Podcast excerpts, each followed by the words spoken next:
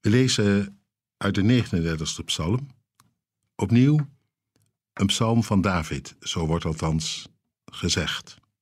En misschien is het goed om even te zeggen dat, dat het vaak later boven is gezet, dus we weten het nooit helemaal zeker. Maar hoe dan ook, het is een psalm, denk ik, die uit ons hart gegrepen is als je het hoort.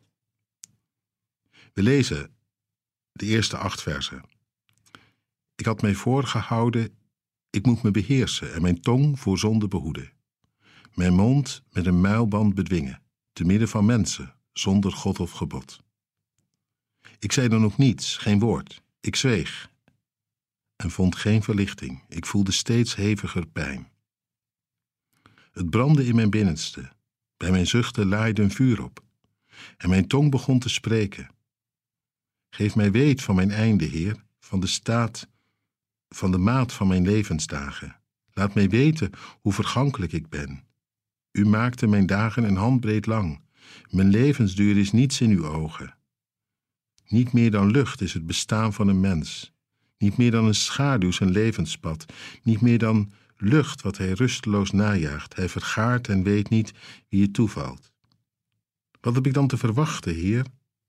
Mijn hoop is alleen op U gevestigd. Apart. Die psalm begint met: Ik had eigenlijk me voorgenomen niet te gaan klagen over God. Of te gaan klagen over het leven. Zeker niet bij mensen die leven zonder God. Ik wil ze geen aanleiding geven om uh, het idee te krijgen dat je als gelovige eigenlijk ook uh, niet goed weet wat je ermee aan moet, met God en met het leven. En toch, er was op een gegeven moment geen houden aan. En het komt eruit. Hoe en waar precies, dat weten we niet. Maar na eerst uh, de lippen op elkaar gehouden te hebben, breekt het nu ineens door en los. De pijn van binnen, een vuur dat oplaait. En mijn tong begon te spreken, staat er dan. Het moet eruit. Wat? Nou dit, dat het niet te verteren is. Gewoon dat het leven zomaar af kan breken. Waar de dichter het precies over heeft, dat weten we niet. Het kan te maken hebben met zijn eigen leven, dat hij heeft gehoord dat hij niet lang meer uh, te gaan heeft, een ziekte onder de leden heeft waartegen geen kruid gewassen is, of misschien wel in zijn nabije omgeving iemand die hem, hem lief is, een mens die hij moet verliezen. Het grijpt hem aan dat het leven zo vergankelijk is dat er maar een hand breed is tussen leven en dood. Kijk eens naar je hand.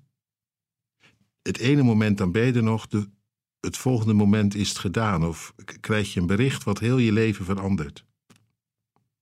En wat blijft er dan over van een mens, wat je ook hebt opgebouwd? Het wordt lucht en leegte. Je vergaat het van alles, je doet van alles, je bouwt op, maar het ontvalt je. En ja, een ander die gaat ermee vandoor, zo zegt dit lied. Zo zinloos voelt het. En dat is het soms ook. Zinloos in je beleving. Stel je toch voor dat dit het laatste woord zou zijn. Dan was het echt zo ellendig als wat. En daarom zo geweldig, toch daar dwars doorheen.